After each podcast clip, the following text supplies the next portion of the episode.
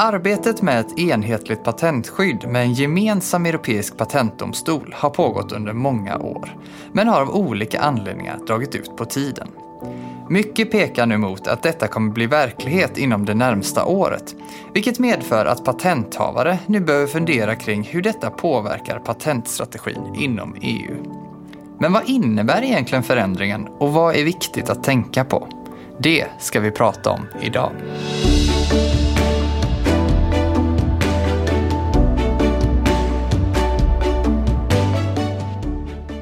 Hej och välkomna till IP-kompassen. Podden för dig som är IP-ansvarig, rd chef bolagsjurist, VD eller bara intresserad av immaterialrätt. I den här podden vill vi bjuda på nya infallsvinklar, våra egna erfarenheter och dela med oss av vår kunskap inom immaterialrättsområdet. Jag heter Alexander Lindeberg och är advokat och arbetar som expert inom immaterialrätt på advokatfirman Vinge. Med mig här idag har jag min kollega Håkan Borgenhäll som är delägare och expert inom immaterialrätt med särskild kunskap om patent. Hej Håkan! Ja, hej Alexander! Vad trevligt att ha med dig här idag vi ska prata lite om patent. Ja, verkligen. Det gör jag mer än gärna. Eh, som sagt, ett enhetligt patentskydd, det som också kallas för Unitary Patent, och en gemensam patentdomstol, UPC eller Unified Patent Court, det är det som är på gång här nu. Men för att vi ska förstå detta fullt ut så tror jag att vi först ska få beskriva lite, eller du ska få beskriva hur patentsystemet i Europa ser ut idag. Ja, det finns idag några olika vägar att söka patent, exempelvis hos eh, PRV i Sverige eller vid det europeiska patentverket eh, EPO. Men oavsett hur man väljer att söka patent så resulterar det i ett nationellt patent eller flera nationella patent. Det betyder i sin tur att om det blir en patenttvist, det kan ju då vara fråga om intrång i patent eller en talan om ogiltig förklaring så hanteras de här tvisterna av domstolar i respektive land där patentet gäller. Eh, och, och det som du just beskrev, det gäller ju nu. Eh, och nu kommer ju det här nya patentsystemet. Eh, kan vi glömma det här som du pratade om precis nu, eller kommer det fortsätta att gälla?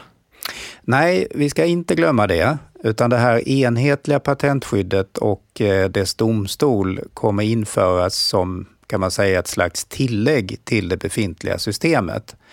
Och det innebär att alla patenthavare framöver behöver förhålla sig till båda de här systemen. Ta med sig det gamla eh, men också lära sig kring det nya helt enkelt. Den här sjösättningen av UPC och Unitary Patent, vad, vad är det egentligen som man har velat uppnå med detta? Ja, enkelt uttryckt kan man väl säga att man vill uppnå ett effektivare patentsystem då genom det här enhetliga patentskyddet, Unitary Patent. Det är ju då ett patent som faktiskt ansöks på samma sätt som idag vid EPO, alltså det europeiska patentverket. Och som när det här enhetliga patentskyddet beviljas så gäller det nästan inom hela EU. Eller som det nu ser ut idag i de länder som har valt att gå med i systemet och som patenthavarna då har betalat en avgift för. Den andra delen av systemet är ju då, som du nämnde här, den här gemensamma domstolen, UPC, som ska hantera tvister angående det enhetliga patentet men de kan också hantera tvister avseende de nuvarande patenten som har sökts och beviljats via EPO.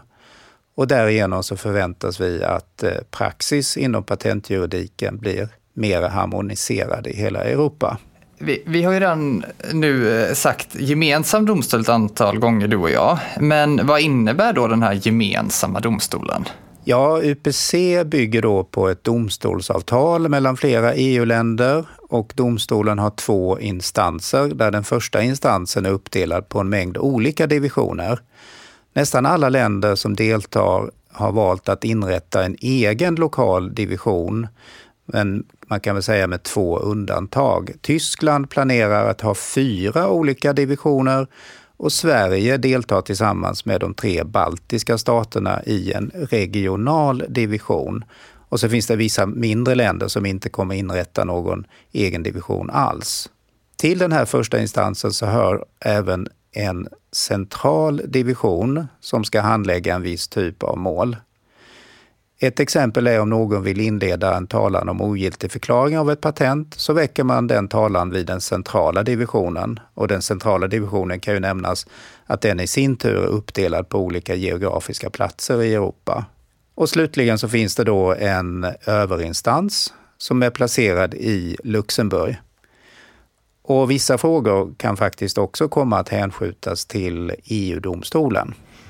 Ett antal olika domstolar att, att komma ihåg och förhålla sig till då helt enkelt och instanser helt enkelt. Men du, den som är van vid svenska patentprocesser då inför Patent och marknadsdomstolen, kommer det se likadant ut att processa inför UPC eller vad kan man förvänta sig här? Nej, det kan man inte vila på sina gamla kunskaper utan här finns ett eh, antal nya dokument som styr domstolen och det enhetliga patentskyddet. Så det är väldigt mycket att sätta sig in i för ombud och patenthavare här framöver. Det är väldigt omfattande regelverk. Man kan väl också säga att eh, själva processen i UPC skiljer sig också en hel del från vad vi är vana vid här i Sverige. Det kommer bli en snabb handläggning där man har målsättningen att avgörande ska ske inom ett år. Eh, det är relativt få inlagor som kommer utväxlas i domstolen och det kommer vara en kort eh, huvudförhandling. Sedan kommer vi få se domstolsavgifter på nivåer som vi inte är vana vid här i Sverige. Exempelvis är avgiften för en intrångstalan den är på 11 000 euro plus ytterligare en avgift eh, där storleken på avgiften beror på tvistens värde. Eh, och just det, det där kan man väl säga också, det är ju ganska stor skillnad då om man tänker sig en talan eh, hos Patent och marknadsdomstolen där man ju betalar ansökningsavgiften på ett par tusen men sen så är ju liksom domstolens arbete inte en kostnad. Hur ska man tänka kring det tror du? Eller vad, vad blir effekten av det? Ja, det där är väldigt intressant hur det kommer falla ut. Man kan väl säga att det finns nog många mindre företag som inte lägger upp 11 000 euro för att driva en intrångstalan. Men det finns då i det här systemet eh, något som man har inrättat som en rättshjälp som ska då kunna ja, innebära att eh, man får access to justice. Eh, hur det kommer slå ut i praktiken Eh, det vet vi inte. Så att eh, hur de små företagen kommer kunna förhålla sig till domstolen tycker jag idag är en öppen fråga. Kan också nämna det att när det gäller eh, ersättning för rättegångskostnader så har vi då ett helt annat system än vad vi är vana vid. Där är det meningen att det ska finnas ett tak på storleken av de kostnaderna som man kan bli ersatt då för för den vinnande parten. En vinnande part får ju ersättning för sina rättegångskostnader, men här är det då begränsat till ett tak som eh, hänger samman med tvistens värde, det här taket. Och sen kan man väl också då förvänta sig när det gäller själva rättegången att eh, domarna i den här domstolen kommer vara mycket mer aktiva på ett helt annat sätt än i de svenska domstolarna. De kommer ta större del i utredningen av målet och kanske pekar på behovet av ytterligare, ytterligare vittnen eller andra utredningar, något som inte svenska domstolar gör. Men ändå ganska stora skillnader då om man jämför med Patent och marknadsdomstolen låter det för mig. Mm. Eh, men om vi, om vi då lämnar domstolen lite bakom oss och så går vi tillbaka till själva patentskyddet då. I vilka länder ser det ut som att det här skyddet kommer gälla? Ja, som det ser ut just nu då så är det 17 länder totalt inom EU och, som eh, ansluter till systemet och eh, det kan ju komma fler. Men eh, det är ju tillfredsställande att länder som Tyskland, Frankrike och Italien, stora länder, finns i det här systemet. Men eh, man kan väl då på andra sidan säga att det blev en stor besvikelse att eh, UK hamnar utanför. Spanien och Polen hamnar också utanför, men just när det gäller UK är det ju olyckligt för att det är ganska dyrt att driva patentprocesser i UK, så det hade varit väldigt kan man säga, kostnadsbesparande att kunna inkludera UK i det nya UPC-systemet. Men, men som sagt, då, 17 länder åtminstone och kanske fler. Det, det är ju i alla fall en bra bit på vägen. Men finns det ändå då eh, aspekter av detta? Eller finns det skäl för en patenthavare att, att ändå tänka att man tar den traditionella vägen istället för det här enhetliga patentskyddet? Ja, det är väl just den här frågan som eh, man nu sitter och knäcker på så att eh, man väger olika aspekter och en sådan det är ju då att eh, alla som har ett patent måste betala en så kallad årsavgift för att man ska kunna upprätthålla patentskyddet. Och när man tittar på olika beräkningar som är gjorda nu så visar det sig att om man vill ha patent i fler än fyra till fem länder så kan det löna sig att välja ett enhetligt patentskydd, alltså som gäller i flera länder.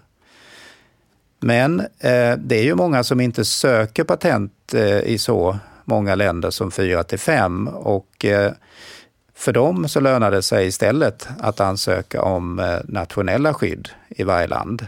Sen får man också väga in att eh, en ogiltighetstalan mot ett patent i UPC träffar ju alla de deltagande länderna där skyddet då gäller. Och det brukar sägas att man lägger alla ägg i samma korg. Om man istället väljer nationella patent så träffar en ogiltighetstalan enbart det aktuella patentet i, i det specifika landet eller i de specifika länderna. Men så finns det då en möjlighet eh, för patenthavare om man vill undvika att hamna i UPC-domstolen när det gäller de nu existerande europeiska patenten som man då har fått via EPO.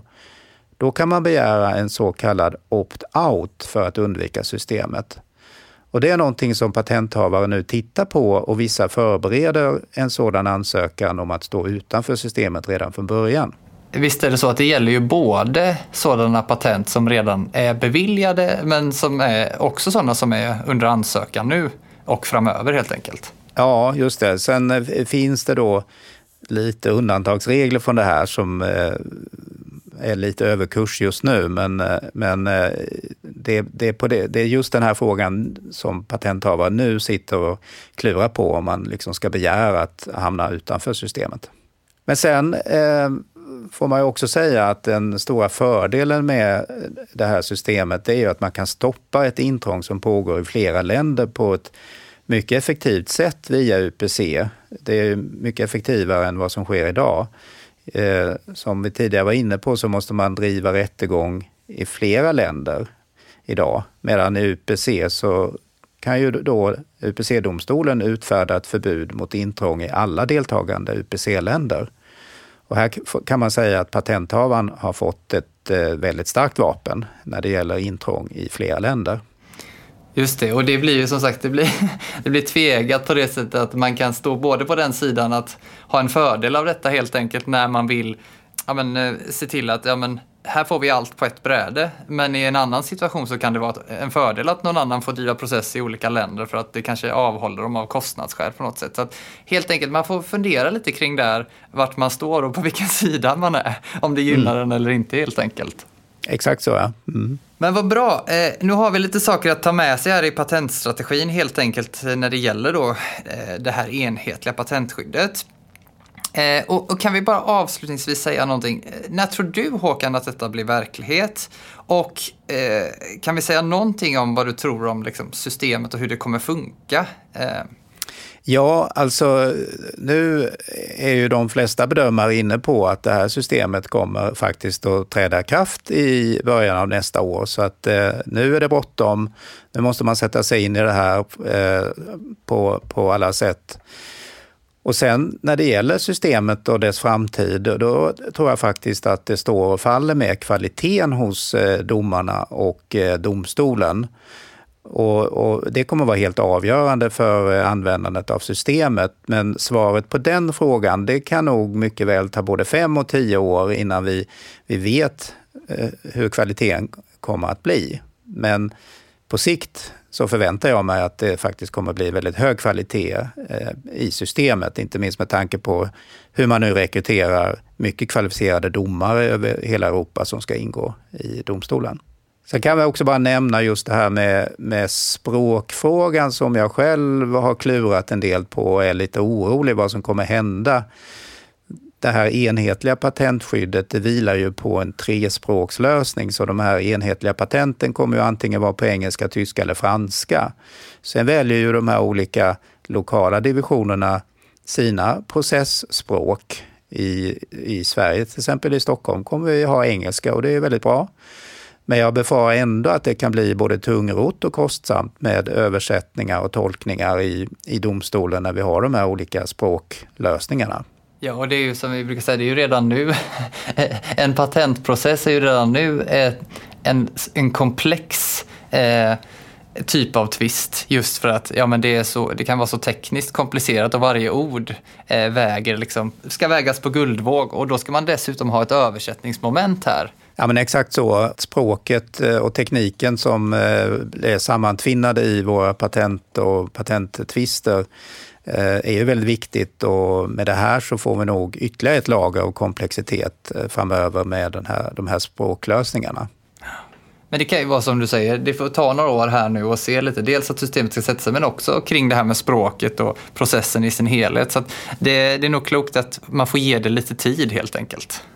Det håller jag med om och eh, jag tycker ändå man eh, har eh, goda förhoppningar om att det här kan faktiskt bli ett effektivt patentsystem, någonting som Europa har väntat på länge, att vi ska kunna få ett effektivare system med enhetlig praxis och, och billigare patentprocesser helt enkelt och billigare patentkostnader.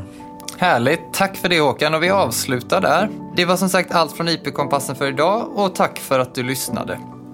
Ta hand om er så hörs vi snart igen.